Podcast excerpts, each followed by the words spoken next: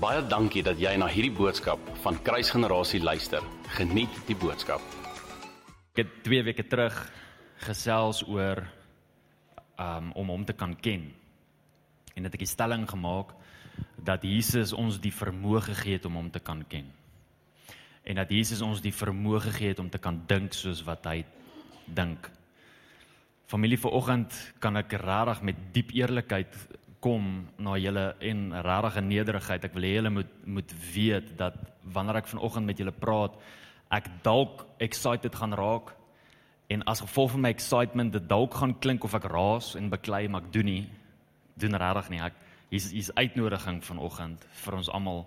Daar's 'n besorgdheid in my hart vir waar die kerk is. Ek praat van die globale kerk in die wêreld op hierdie oomblik en op hierdie stadium. Daar's 'n besorgdheid in my hart En ek weet dat een van die grootste fondasies wat binne in 'n gemeente gelê moet word en binne elke een van ons se lewens gelê moet word, is die woord bekering. As as die woord bekering nie 'n fondasie in ons lewens is nie, gaan ons mis wat God vir ons voorgeroep het en gaan ons nooit lewe soos wat hy wil hê ons moet lewe nie. Ons moet van 'n vanaf 'n plek leef van bekering. Bekering moet deel wees van wie ons is. Dit moet deel wees van ons lewens. Ek wil vandag vir jou sê dat iemand vir jou dalk 'n leuen vertel het en vir jou gesê dat jy net een keer in jou lewe tot bekering kom en dis 'n groot leuen want ons kom daagliks tot bekering. Daagliks, daagliks, daagliks kom ons tot bekering. Die woord bekering het twee Griekse woorde Die eerste woord is epistrefo en dit beteken om letterlik 'n 180 grade draai te maak. Dit beteken dat ek het my lewe so geleef, ek was in 'n nightclub gewees, ek het hierdie keuses gemaak, het so gedrink, het al hierdie ander goeters nagejaag en toe ontmoet ek vir Jesus en dit het gemaak dat ek letterlik 180 grade omdraai en nie meer in daai rigting inloop nie, maar soontoe loop want ek het iemand anders ontmoet wat die wat die moeite werd is om te volg. Dis epistrefo, dis die eerste ding van van bekering. En baie mense, gelowiges het hierdie idee van ek het dit gedoen. Jy weet ek het 'n ontmoeting gehad, ek het omgedraai, ek het geloop, maar baie van ons dink ons het omgedraai en ons het nie omgedraai nie want ons klink nog dieselfde, ons ons ons ons dink nog dieselfde en ons optrede is nog dieselfde. En die rede vir dit is is omdat ons nooit by die ander woord van bekering uitkom nie en dit is die woord metanoia of metanoia of hoe jy dit ook al wil uitspreek en dit praat van 'n vernuwing van gedagtes. Met ander woorde, 'n uitnodiging om anders te dink. Om nie meer te dink soos wat jy gedink het nie. Wie van julle weet dat jou denke bepaal jou aksies? Jy kan nie 'n aksie doen as jou brein nie vir jou gesê het om dit te doen nie. En jou denke bepaal wat se aksies gaan gebeur. So as jy op 'n sekere manier geleef het en as jy 'n sekere manier gedoen het, beteken dit dat jou denke bepaal het dat jy in daai rigting ingegaan het. Maar nou het jy iemand ontmoet.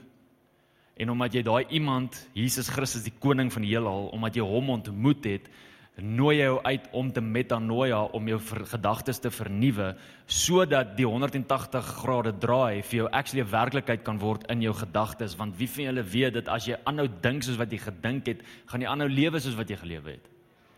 Ons het nodig om anders te dink. En ek is besorgd in my hart dat die kerk nie anders dink nie. Ek is besorgd in my hart dat die kerk presies dieselfde dink as wat die wêreld dink. En dat die kerk presies dieselfde denkwyse het oor sekere politieke goeders, oor sekere sosiale goedjies, oor sekere sondegoed as as wat die wêreld het. En dat die Here ons as 'n family terugroep na sy oorspronklike design, terugroep na sy woord toe om te lewe soos wat hy wil hê ons moet lewe, om te dink soos wat hy wil hê ons moet dink, om sekere goed in ons lewens nie te entertain nie. En julle julle gaan nou hoor, glo my, ek gaan eerste pak slaag kry vandag. OK. In liefde. Johannes die Doper, ek nou net van hom gepraat. Sy heel eerste boodskap was die volgende: bekeer julle van die koninkryk van die hemel het naby gekom. Matteus 3. Johannes die Doper se heel eerste boodskap. Jesus, ons redder, se heel eerste boodskap in Matteus 4, ek dink is vers 17. Sy heel eerste boodskap wat hy preek is: bekeer julle van die koninkryk van die hemel het naby gekom.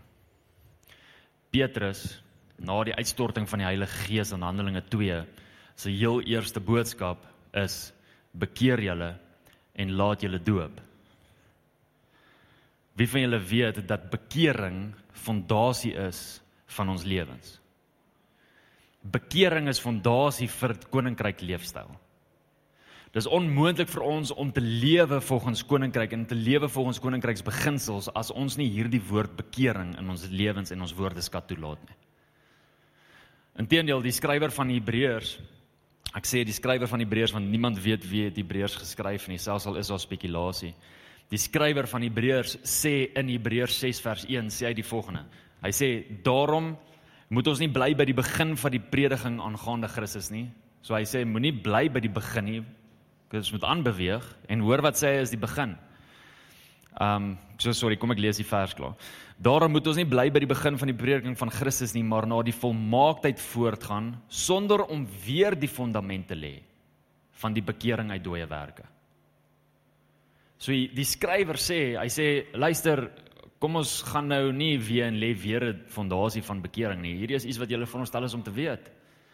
Bekering is iets wat veronderstel is om sulke groot kennis te dra in almal van ons harte dat die oomblik wanneer ons praat oor bekering, ons sal weet wanneer laas ons bekeer het.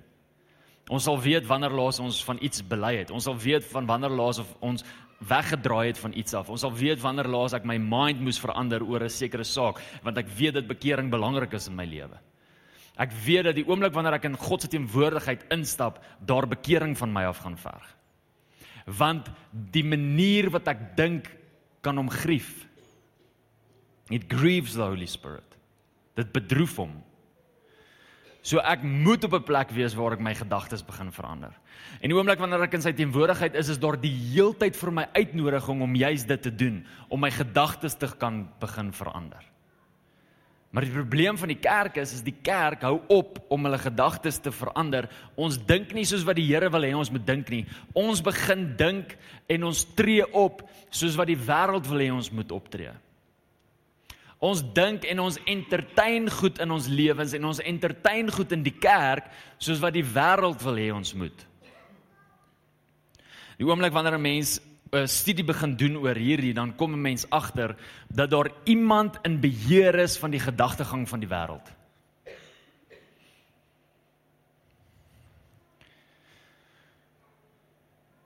Ek gaan gou stop.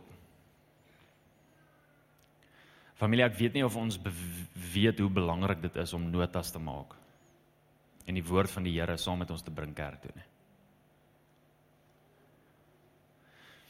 Die vyand kry dit reg om onsself so gemaklik te maak met die woord van God dat ons die by ons Bybels nie meer kerk toe bring nie en dat ons glad nie 'n nota boek het om neer te skryf nie. Terwyl 'n mens besig is om te preek, is Heilige Gees besig om met elke hart hier te begin gesels. En jy as mens gaan nooit onthou wat die Heilige Gees vir jou gesê het oor 2 weke nie of oor 'n oor 'n maand of vir volgende jaar nie. As ek vandag vir jou vra wat het die Here vir jou laas jaar gesê? Hierdie tyd, hy vir my kan sê, jy gaan vir my kan sê as jy 'n joernaal hou, as jy 'n notaboek het en neerskryf, so ek wil jou uitnooi. Maak notas. As jy regtig ernstig is oor dit wat God vir jou sê, maak notas. Ons lees in die parable van die souer, die gelykenis van die saaiër, lees ons 'n baie belangrike ding, Matteus 13, dat die oomblik wanneer die woord gesaai word, dat die bose magte kom om die woord te probeer steel. Gaan lees die saaier, gaan lees die gelykenis. So die duiwel is nou uit om dit wat geshare gaan word te probeer steel by jou. En jy moet intentioneel wees om seker te maak dat hy nie by jou steel nie. Dis hoekom jy moet neerskryf, dis hoekom jy die Bybel hier moet hê sodat jy self kan sien, self kan lees. OK. Terug. Die die Bybel, die woord van die Here leer vir ons wie in beheer is van die dag gedagtegang van die wêreld. Met ander woorde, hoekom die wêreld dink soos wat die wêreld dink. Die Bybel leer dit vir ons. Gaan lees Galasiërs 4 vanaf vers 1 af tot vers 4 toe dan sien jy wat Paulus van praat. gaan lees Kolossense 2 vers 8. Ek wil net gou net gou vinnig pos. In Galasiërs 4 vers 1 en Kolossense 2 vers 8 kom daar twee woorde ehm um, voor wat presies dieselfde Griekse betekenis het. Die eerste woord in die Engels praat hy van the elements in in Galasiërs. Galasiërs 4 praat hy van the elements. En in uh, Kolossense 2 praat hy van the basic principles. Daai twee woorde dra presies dieselfde Griekse woord. En wat dit beteken is, dit beteken die betekenis van die Griekse woord beteken dat daar demoniese magte is agter die denkwyse. So die basic principles of this world, die basic principles is demoniese invloed in gedagtegang. The elements of this world is demoniese invloed in gedagtegang. Die wêreld dink soos wat die wêreld dink omdat die duiwel wil hê die wêreld moet so dink. Want as die wêreld so dink, is dit onmoontlik om die koninkryk van God se manier van dink te te te kan kry en te verstaan. En daarom is dit vir soveel gelowiges so moeilik om die goed van die koninkryk te verstaan want ons probeer die goed van die koninkryk verstaan uit ons raamwerk van dit wat ons geken het voordat ons God ontmoet het en dit is hoe die wêreld dink. Ons probeer vanaf die wêreldse raamwerk God se goed verstaan. Ons probeer vanaf die wêreldse raamwerk God se se die geestelikheid van wie hy is verstaan, die grootheid van wie hy is, verstaan. Weet julle hoe gevaarlik is dit dat ek selfs hoor dat daar teoloë is wat dink hulle het God uitgefigure. Weet jy hoe weet jy hoe stupid is dit? Om te dink dat jy wat 'n brein het, die een gaan verstaan wat vir jou die brein gegee het. Dis dom. Ek ek ek het gedog jy slim. Totdat jy dit gesê het, toe kom ek agter die wysheid van hierdie wêreld. God will use this fool the foolishness of this world. Dis onmoontlik vir ons om God te verstaan. Weet jy dat ons net van God weet wat hy toelaat ons weet van moet van weet. Ons kan net van God af weet. Ons kan net openbaring vind van wie hy is as gevolg van dit wat hy toelaat. Anders gaan jy niks ken van hom nie, anders gaan jy niks weet nie. Dis presies dieselfde as ek in verhouding staan met Rian. Rian gaan net van my af weet wat ek vir hom sê. As ek nie vir hom sê nie, gaan Rian nie weet nie. Dis verhoudings, presies dieselfde met ons verhouding met die Here. So ek kan nooit op 'n plek wees waar ek dink ek het nou God uitgefigure nie. Die die mees wysste woorde wat jy 'n kind van die Here uit se mond uit kan hoor is: "Jesus, ek weet regtig nie." As iemand nou jy toe kom en sê, "Jo, jy weet hierdie en hierdie ding en ek kan nou nie verstaan nie, God is 'n God van liefde en nou het hierdie ding met my gebeur en en hoekom dit en hoekom dit en dan weet jy wat is die mees wysste woorde wat jy vir daai persoon kan sê? Jesus, ja, ek weet ook nie. Maar hierdie is wat ek weet. En om terug te kan gaan na dit wat jy weet in plaas van om te hamer op dit wat jy nie weet nie. Dit wat jy nie weet nie, kan jou so maklik wegvat van wie die Here af is. Dit wat jy weet is veronderstel om jou naby te vat aan die Here. Mens kry twee tipes vrae. Vrae wat jou na God toe vat en vrae wat jou verder van God af vat. En as jy as 'n Christen vra vra wat jou verder van God af vat, is jy besig met die verkeerde gedagtegang. Jy's besig om uit 'n raamwerk van die wêreldse denkwyse God te probeer verstaan. God se woord te probeer verstaan. Jy kan dit nie doen nie. Jy kan nie daai filter gebruik nie. Dit maak nie sin nie. Hoekom dink julle kom Jesus en hy sê dat daar nuwe wynsakke moet wees vir nuwe wyn? Want anders gaan dit bars. Ons het nodig om nuwe wynsakke. Wat is die nuwe wynsakke? Die nuwe wynsakke is die oomblik wanneer ons gees weer nuut gemaak word, ontvang ons 'n nuwe wynsak. Ons kry die ability, die vermoë om nuwe wyn te kan ontvang sodat die nuwe wyn gedra kan word. Anders gaan dit nie gebeur nie.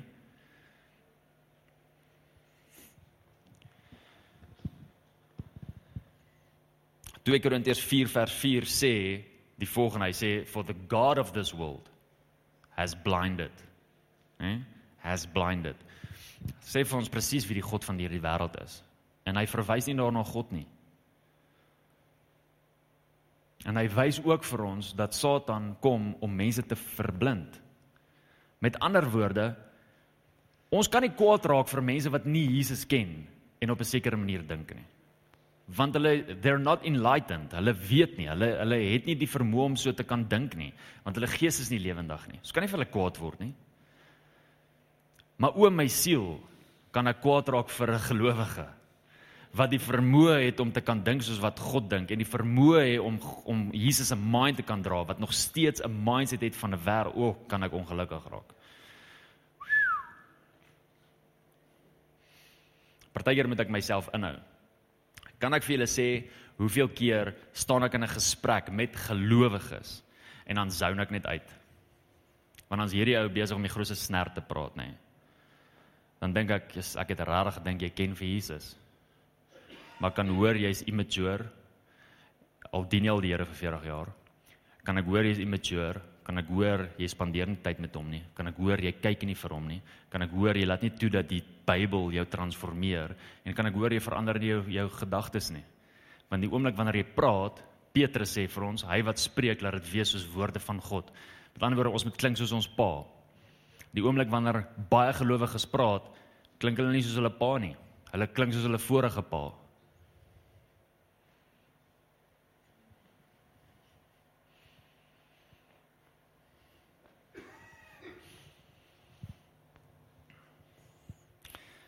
Hier's 'n duidelike uitnodiging vir elke een van ons. Hoor hierso 2 Korintiërs 6 vers 17 tot 18. In die Afrikaans gaan ek vir julle lees. Dis ook die laaste skrifgie. In die Afrikaans wat ek vir julle gaan lees net tot voorbereiding.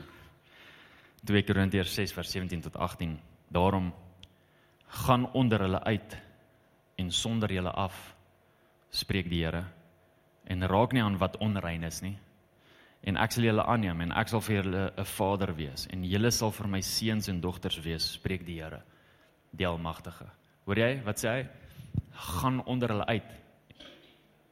Sonder julle af. Moenie raak aan waaraan hulle raak nie. Moenie besig wees met die onreine goed nie. Kind van die Here jy kan nie doen wat mense doen wat nie Jesus ken nie. Jy kan nie praat soos wat mense praat wat nie Jesus ken nie. Jy kan nie optree soos wat mense optree wat nie Jesus ken nie. Weet julle wat is die hartseer ding? Vrydag het ons ons golfdag gehad, die vir die serving disciples en prys die Here, dit lyk of ons oor die 80000 rand gemaak het vir ons serving disciples. Is nie amazing nie? Prys die Here vir dit. Dis regtig great. Maar weet julle wat? Daar's mense van ons gemeente af daar, daar's mense van ander gemeentes af daar, daar's mense van die wêreld af daar, daar's myners daar en julle almal ken myners se woordeskat. En weet julle wat? Ek staan op 'n stadium, staan ek daar en ek kyk so na die mense en ek dink by myself, "Joh, by baie van hierdie mense kan ek nie onderskei nie."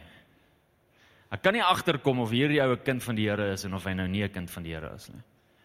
Want die woordeskat en die grappies en die goedjies wat ons gebruik, klink dieselfde. So ek het gesukkel. Is dit hoe dit moet wees? Of word ons geroep om afgesonder te wees? Om anders te lyk, like, om nie meer so op te op op te tree nie. Romeine 12 vers 2 ken julle almal ongelooflik baie goed. Julle behoort dit goed te ken. For do not be conformed to this world, but be transformed by the renewing of your mind. Nee, moenie gelykvorm moenie gelykvormig wees aan hierdie wêreld nie, maar word word verander deur die vernuwing van julle gemoed. Hoor wat sê hy in die message vertaling. Ek love hoe die message vertaling hierdie sê. Hoor jy? Hy sê don't become so well adjusted to your culture that you fit into it without even thinking.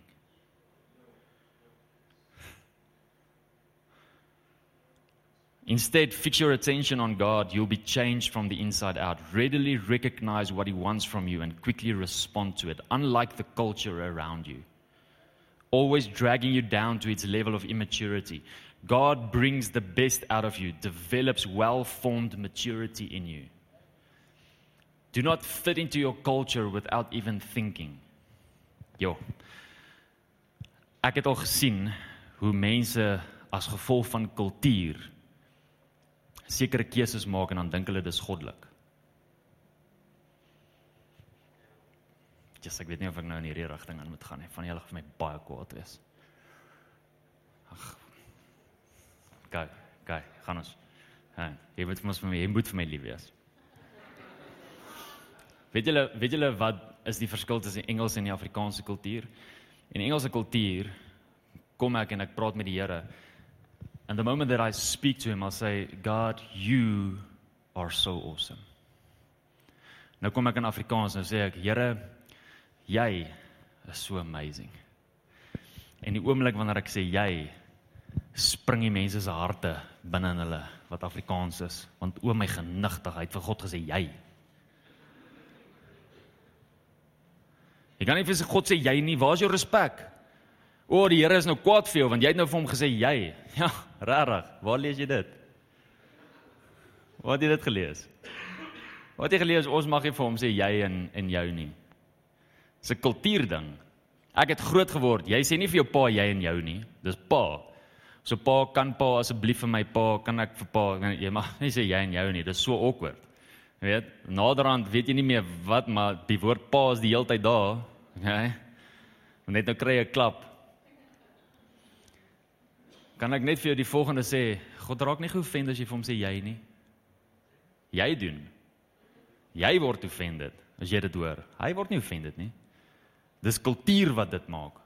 Dis kultuur wat maak dit jy so dink. Dis nie goddelikheid nie.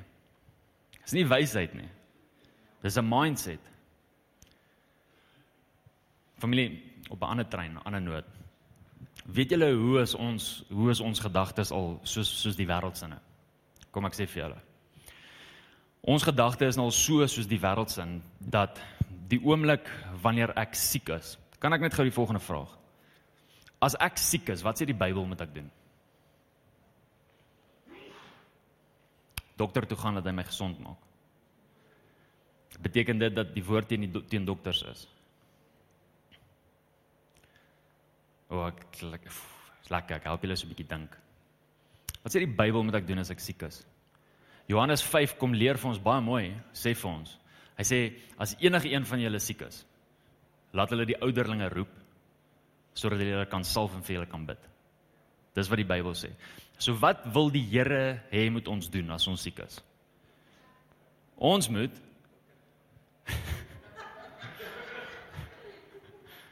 Ons moet 'n ouderling bel. En sê, "Hey, ek is siek, sal jy asseblief vir my bid?" Maar weet julle hoe is ons nou so geïndoktrineer? Hoor, hoor gou hier. Ons minds, ons manier van dink is so geïnfiltreer deur die wêreld se denkwyse dat ek is siek, so ek kan nie vandag kerk toe kom nie. O, oh, ek vandag iemand op ons span is siek. Sy het nie vandag kerk toe gekom nie want sy is siek. Iemand wat op ons ander span is ook deel van ons span het sê sorry, my kind het gisterand opgegooi. Hulle sê so ons gaan nie vandag kerk toe nie. Hoor hier so mooi, my my mens wees voel vir jou. En my mens wees verstaan. Want jy's dis nie lekker om siek te wees nie. Maar die gees binne in my kan nie verstaan dat die plek waar 'n mens moet gesond word, mens vanaf weg bly as mens siek is nie. Dit sê vir my een van twee dinge. Of ons minds is so geïnfiltreer deur die wêreld dat ons nie die mindset het om kerk toe te gaan as ons siek is nie. Of dat ons wat die waarheid ken en weet dat ons vir mense moet bid wat siek is, nie vrug dra op dit wat ons ken nie en mense nie die vrymoedigheid het om na ons toe te kom nie. So hier's twee goed wat 'n rol speel. Is dit hoe die kerk moet lyk? Is dit die mindset wat God vir die kerk gegee het? Kan ek vir jou die volgende sê? My mindset, my mindset by ons huis, vra my vrou, As hy siek is, as Leilen siek is, as enigiemand van ons siek is, is ons mindset heel eerste ons bid. Ons bid. Beteken dit ons gaan nie dokter toe nie? Nee, ons was met Leilen by die pediater hierdie week gewees, want ons het gebid en ons het gebid en ons het gebid en ons het nie deurbraak ervaar nie en toe gaan ons na iemand toe wat 'n gawe het vir hierdie en ons kan wysheid gee want want God gebruik dokters ook. Kan ek net vir julle dit sê? Kan ek vir julle die volgende oortuiging gee? Dis my hartsoortuiging dat dokters op 'n plek sal wees veral wanneer die herlewing gaan uitbreek. Gaan dokters op so 'n plek wees dat selfs hulle mense wat na hulle spreekkamers toe kom, eers voor gaan hande oplê en vir hulle gaan bid en die Here gaan voor vertrou. En as daar dan niks gebeur nie, hulle hulle wysheid sal gebruik en die gawe wat God vir hulle gegee het om dit nog steeds te kan doen en dan nog steeds verheerliking sal gee vir die Here. Lukas was 'n dokter. Lukas het twee briewe geskryf in die Bybel. Lukas het sy praktyk prys gegee om die geneesheer, die groot geneesheer te volg. Lukas, 'n dokter. Die oomblik wanneer 'n dokter smaak en proe wie Jesus is, is hulle so gefassineerd. Hulle kan nie anders as om hom te volg nie. Dis my oortuiging dat dit gaan gebeur met dokters binne in ons dorp. Is daar fout om na 'n dokter toe te gaan? Glad nie. Daar's glad nie fout om met na 'n dokter toe te gaan nie. Is daar fout om 'n dokter te vertrou voordat jy God vertrou het? Verseker. Verseker. Want dit beteken dat jy 'n groter vertroue het in jou dokter as wat jy vertrou het in God. En dit beteken dat jou mind nie reg is nie. Ons mindsets is verkeerd. Want die wêreld het ons al geïnfiltreer. Kom ons klim op 'n ander trein. Francis Chan, ek gaan Francis Chan se voorbeeld gebruik.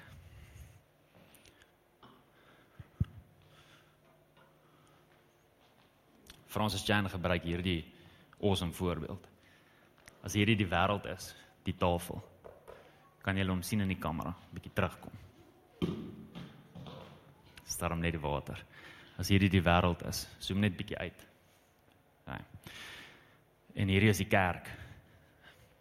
Dan het die wêreld sekere goed wat volgens die wêreld aanvaarbaar is.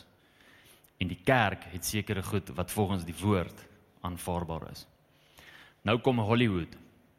Nou sê Hollywood, nee, vir 'n PG-13 movie gaan dit nie net meer wees dat jy ons gaan vloek nie. Ons gaan nou net begin jy weet soft porn wys. Soos net bietjie net bietjie nippel, net bietjie bors, net net dan is dit nog steeds PG-13. Die kerk is op 'n plek waar hulle sê nee, jy weet die Here sê dat ons met ons taal gebruik oppas. Julle weet dit staan in Kolossense 3 vers 8, nê, dat ons nie mag vloek nie. Kolossense 3 vers 8 gaan lees dit. Jy mag nie vloek nie. Anyway. So ons moet ons taal gebruik moet ons oppas. Hy sê ook dat ons moet wegbly flee sexual immorality. So in die begin was ek so ongemaklik geweest om hierdie movie te kyk want is hulle vloek dan maar verskriklik. Jy weet maar nou is die movie op 'n plek waar hulle dit geskryf het. Daar's nou die volgende ding in, net so bietjie soft porn, net so bietjie, jy weet, goed wat hulle nie mag wys nie. So 'n bietjie explicit. Net net so bietjie. En nou is die nou is die wêreld soos ag die kerk. OK, ja, ek sal okay wees met die vloek. Maar daar is nie 'n manier wat ek gaan hierdie movies kyk nie. Jy weet ek As hulle so 'n bietjie vloek is dit fyn. Ek meen ek het heeltyd te doen elke dag met mense wat vloek om my. So dis fyn. Nee, dit gaan my nie maar ek gaan nie hierdie movies kyk wat daar net so 'n bietjie, weet. Dan kom kom hulle en dan sê hulle OK, nee, ons gaan dit nou so bietjie verander. Ons gaan so bietjie sex scenes inbring. Weet ons gaan ons gaan seker maak dat in die seksies daar net so bietjie meer wys en en dat daar so 5 minute, ons moet so 5 minute spandeer op hierdie seksin. En dan sê kerk soos ja, jy weet ons is nou nie heeltemal oukei okay met die seksies nie, maar jy weet as as dit net so bietjie soft porn is, is net so bietjie eksplisiet is, is mens sien nie regtig iets nie, jy weet dis dis fyn. Maar ons kan nie daar gaan nie. Julle daai's verskriklik. Ek meen dis is dis ons bot, jy kan nie daai gaan nie. Dan kom maar movies uit soos 50 Shades of Grey. En dan loop jy as 'n pastoor om 'n ander movie te gaan kyk en dan sien jy hoe staan jou gemeentelede in die ry om 50 Shades of Grey te gaan kyk, True Story. Né? Nee? nee, want meen dis mos nou nie so erg nie. Ek meen so ek en my vrou, dis wat ek sien by die huis, so of ek dit nou kyk op die skerm en of ek dit nou by die huis sien. Dis wat is die verskil? Jy weet so so hulle gaan daar in die kerk is net so nee, jy, jy weet, okay, ons sal ons sal gaan met hierdie Maar 50 Shades of Grey so klein dis dis bietjie next level. Dis dis ons gaan nou nie. Weet. En dan begin hulle in elke liewe movie en series wat 'n mens nou kry op die TV, homoseksualiteit inbring. Gaan die wêreld weer. En dan sien kerk soos ja, jy weet die die homoseksualiteit ding hier. Dis 'n bietjie rof, maar. Okay, ek sal ek sal die pond ding doen. Ons sal die 50 shades of grey ding doen, maar hier, yes, hier trek ek die lyn. Dis dis bietjie. Jy weet. En wat gebeur het is terwyl die kerk eintlik veronderstel was om nog steeds hier te staan.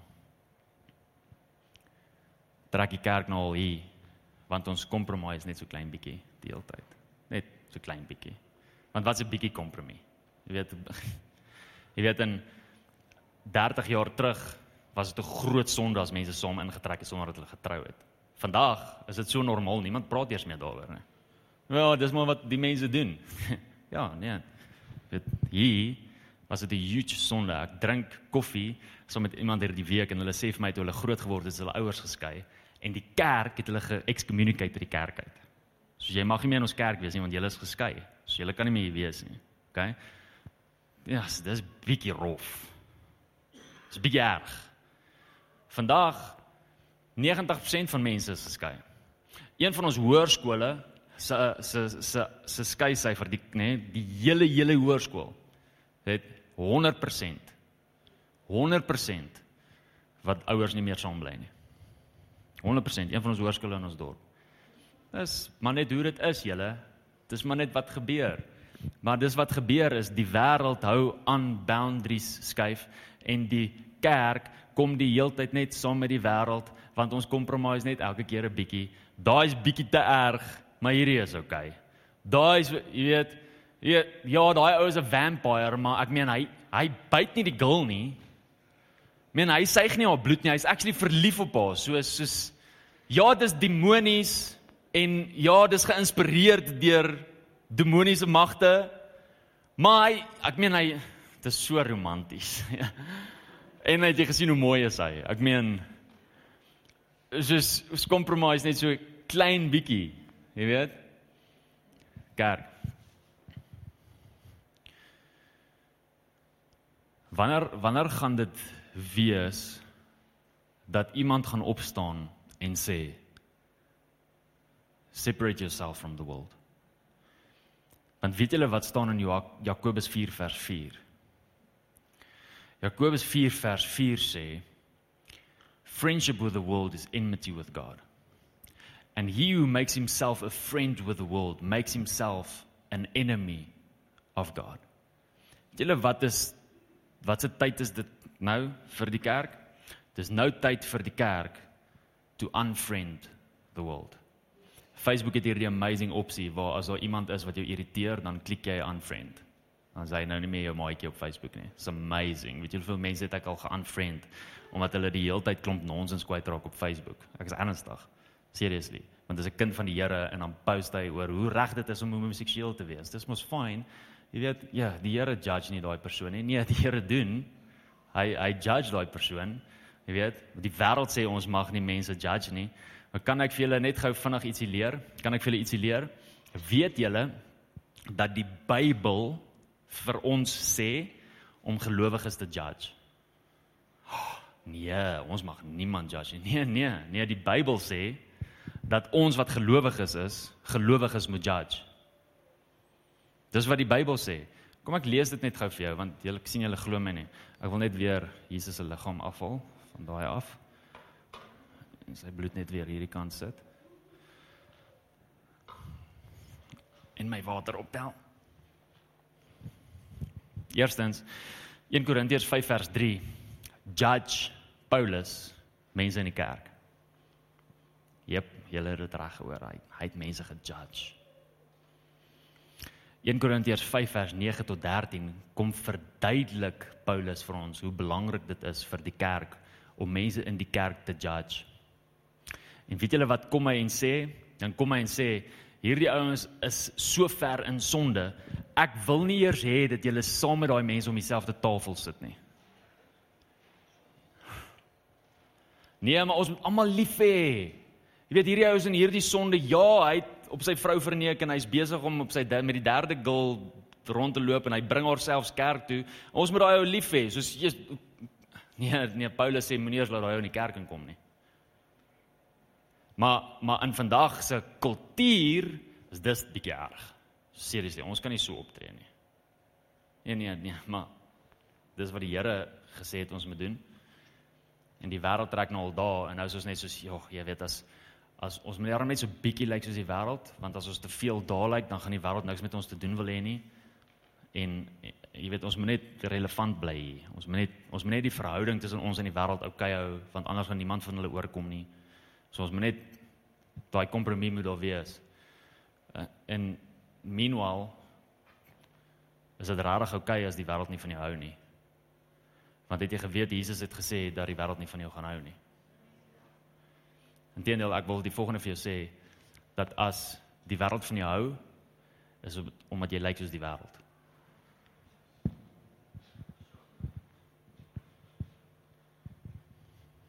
Hoor wat sê Paulus vir 1 Timoteus 1 Timoteus 5 vers 20. Hy sê hierdie vir, vir Timoteus, hy sê those who are sinning rebuke them in the presence of all. Wow. Ish.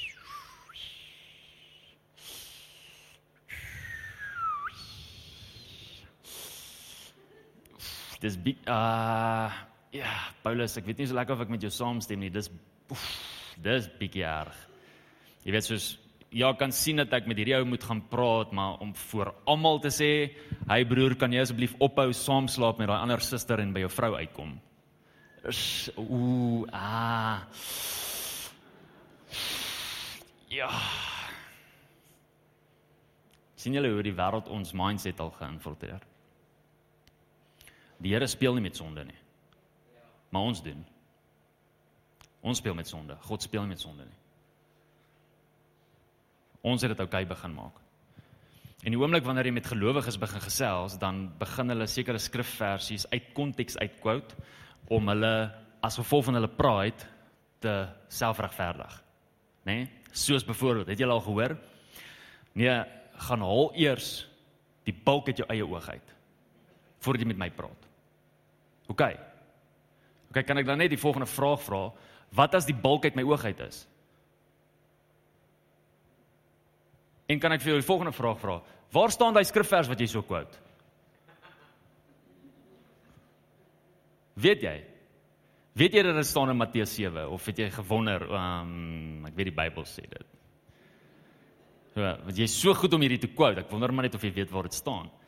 Tweedens, wat as die balk uit my oog uit is? Okay? Wat as ek na nou iemand toe gaan en vir hom sê, "Yes, dude, ek Dit is regtig nie goed vir jou om te rook nie."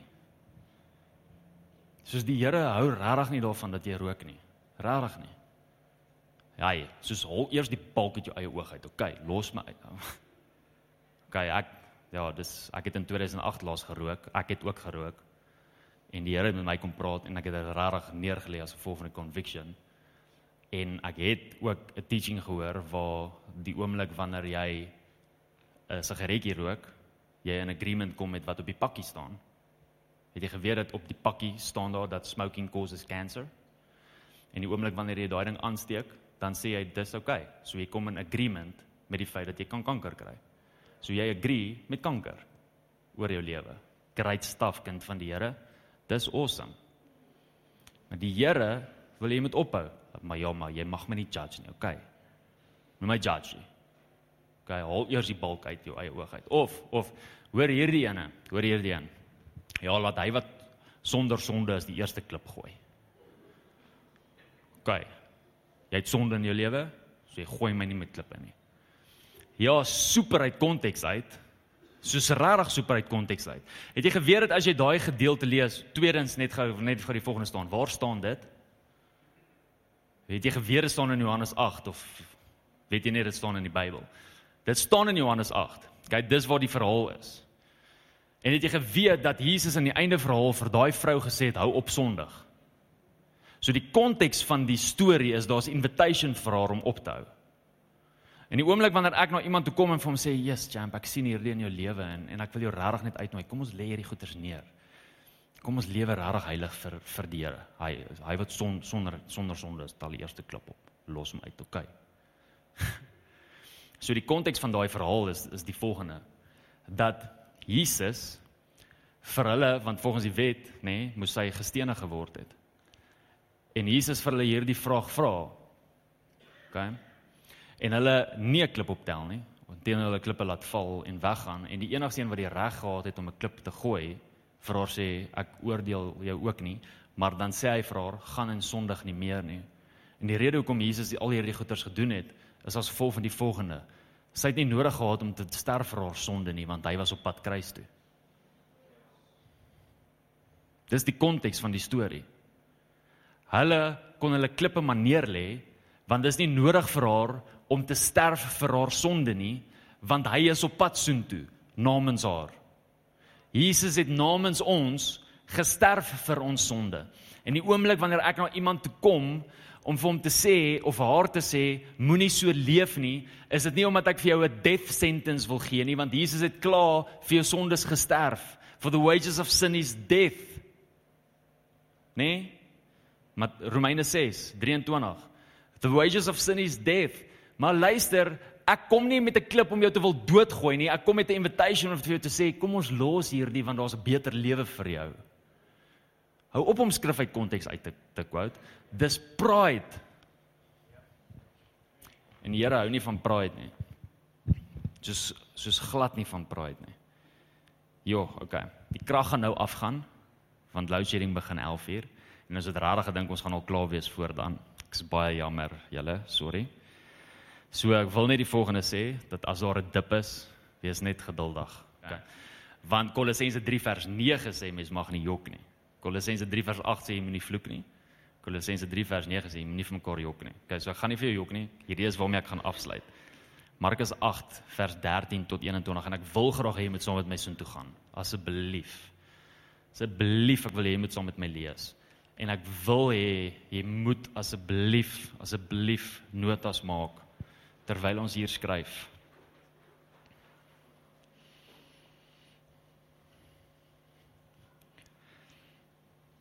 So Jesus het net na die tweede vermeerdering van die brode. Hoeveel keer het Jesus brood vermeerder en visse? Ek het nou net vir julle die antwoord gegee. Twee keer. Na die tweede keer.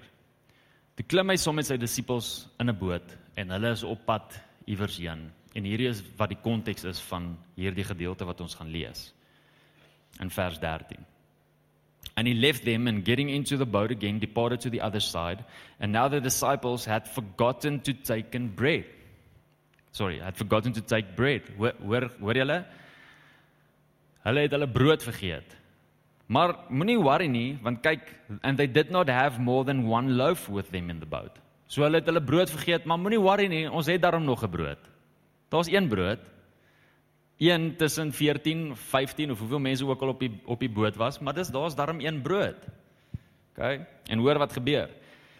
In vers 15 praat Jesus met hulle en hy sê take heed beware of the leaven of the Pharisees and the leaven of Herod. Met ander woorde, hy sê vir hulle pas op want die Fariseërs het 'n sekere denkwyse en die Herodians, die politicians, het 'n sekere leefwyse, denkwyse en pas op dat daai denkwyse julle nie infiltreer nie. Moenie dink soos wat hulle dink nie. Dis wat Jesus vir hulle hier sê.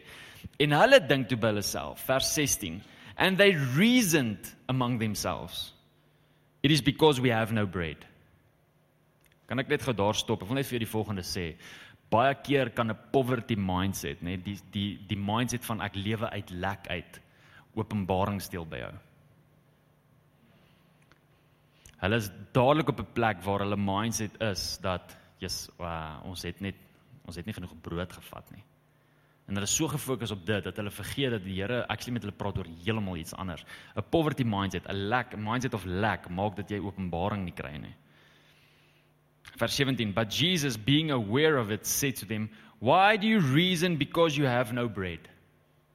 Dan sê hy drie interessante goed. Hy sê, "Do you yet perceive nor understand is your heart still hardened? En dan hoor hierso hier's die drie goed. Having eyes do you not see? sien jy nie? Having ears do you not hear? hoor jy nie? And do you not remember? onthou jy nie? sien jy nie? hoor jy nie? onthou jy nie?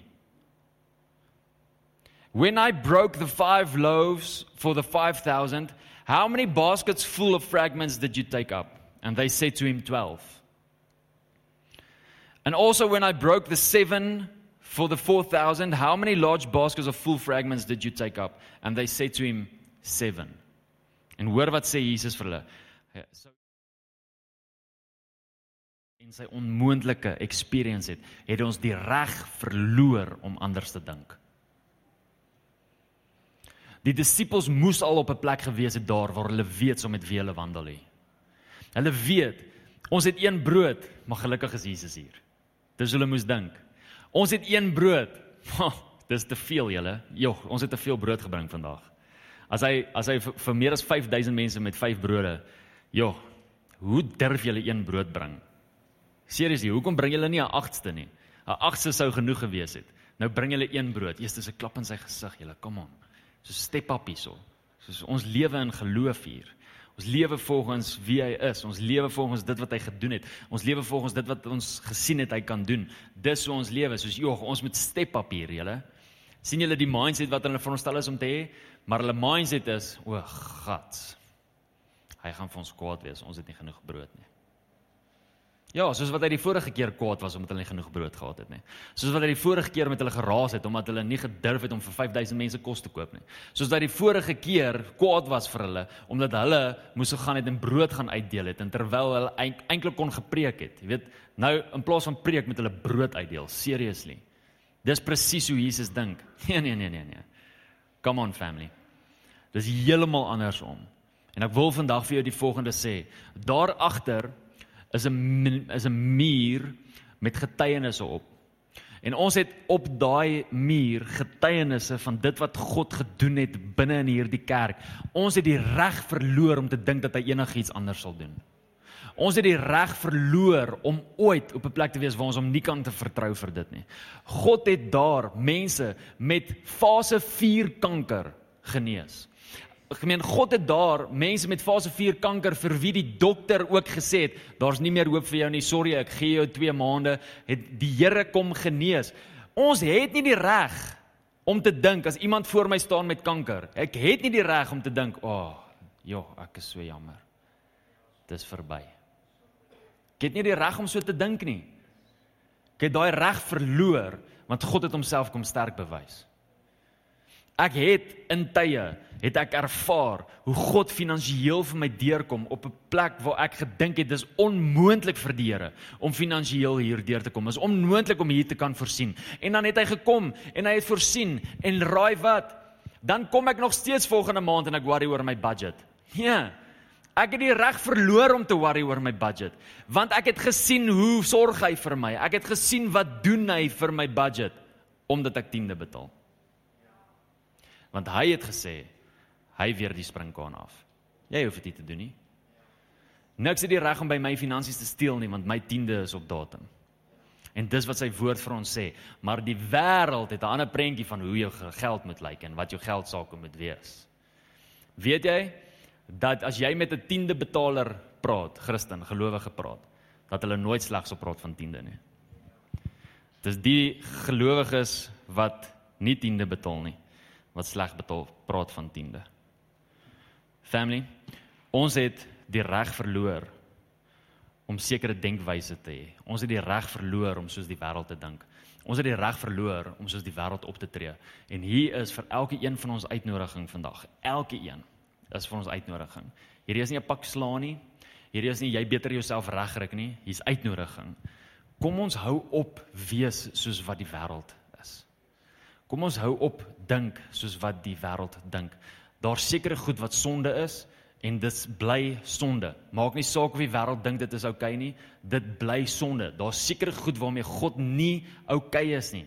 Daar's sekere goed wat regtig maak dat jy in die hel gaan beland as jy aangaan hou gaan hou met hierdie goeters. Daai goeters is die waarheid, daai goeters is 'n realiteit.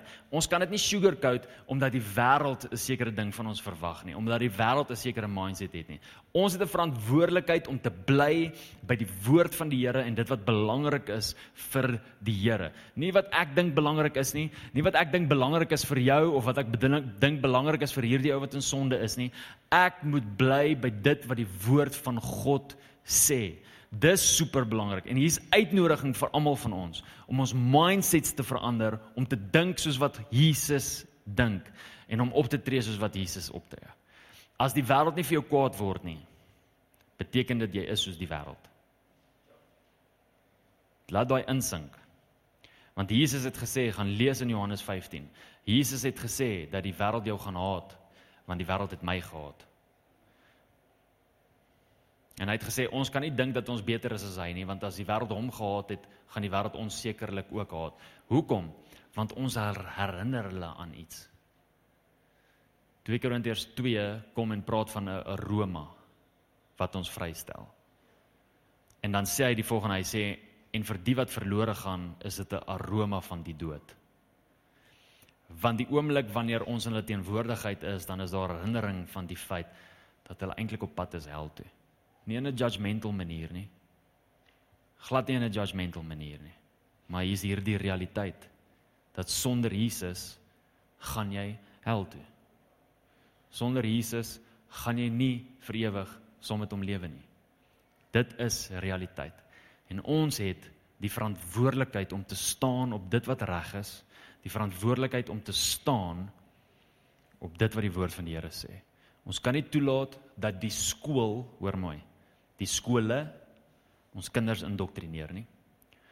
Ons kan nie toelaat dat die stories wat ons kyk op TV ons kinders indoktrineer nie want julle weet wat gebeur die oomblik as daar 'n homoseksuele persoon in elke serie is weet julle wat begin gebeur kinders word so geïndoktrineer dat dit oukei okay is dis oukei okay.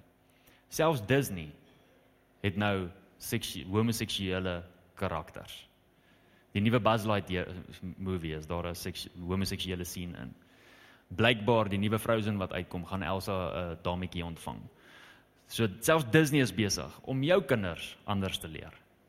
En jy kan kies of jy gaan toelaat dat Disney jou kinders disciple en of jy in die woord van die Here jou kinders gaan disciple. Dis jou keuse. Ek wil jou net aan die volgende herinner. Jy gaan eendag rekenskap gee vir die Here vir hoe jy jou kind grootmaak. Jy gaan rekenskap gee voor die Here vir waaraan jy hulle blootstel. Jy gaan rekenskap gee voor die Here vir wat jy in hulle lewens toelaat. Jy as ouer en hulle kan jou maar haat. Eendag gaan hulle vir jou dankie sê.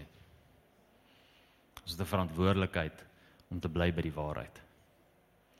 Vader, u waarheid is vir ons belangrik. Here, u waarheid dra gewig bo wat die wêreld sê waarheid is. Bo die wêreld se denke, bo die wêreld se opinies en wat hulle dink is dit wat in u hart is en u woord is belangrik. Hou ons voete by die vuur, Heilige Gees. En help ons as 'n familie om volgens waarheid te lewe en nie te compromise nie. Mag kruisgenerasie gemeente nie 'n gemeente wees wat die heeltyd langs die wêreld kom staan en die heeltyd bietjie compromise, bietjie compromise, bietjie compromise nie. Ons maak 'n verklaring. Ek, Here, as leier van hierdie gemeente maak 'n verklaring. We unfriend the world. Ons klik op daai knoppie en ons sê unfriend. We are not friends with the world. There's invitation. Ons bring die goeie nuus. Ons verklaar u liefde. Ons nooi almal in. Ons jaag nooit 'n sondaar weg nie. But we're not friends with the world. We're not friends with how the world thinks. En ons entertain nie ook gedagtes van van die wêreld nie. Ons laat toe dat u woord ons gedagtes shape in die naam van Jesus. Heilige Gees, beskerm hierdie saad, beskerm hierdie woord, mag die vyand nie kom steel nie. En ek bid as daar offenses in harte, bid ek dat dit daai offense sal oorskakel in conviction in die naam van Jesus. Ek bid dat U elke een van ons as gelowiges inroep as in maturity in dat ons ons immaturity sal los in Jesus naam en dat ons gelowige, volwasse gelowiges sal wees wat optree volgens hoe U wil hê ons moet optree in Jesus naam. Amen. Thanks Paul. Baie dankie dat jy na hierdie podcast geluister het. Indien jy die boodskap geniet het, deel hom asseblief met jou vriende.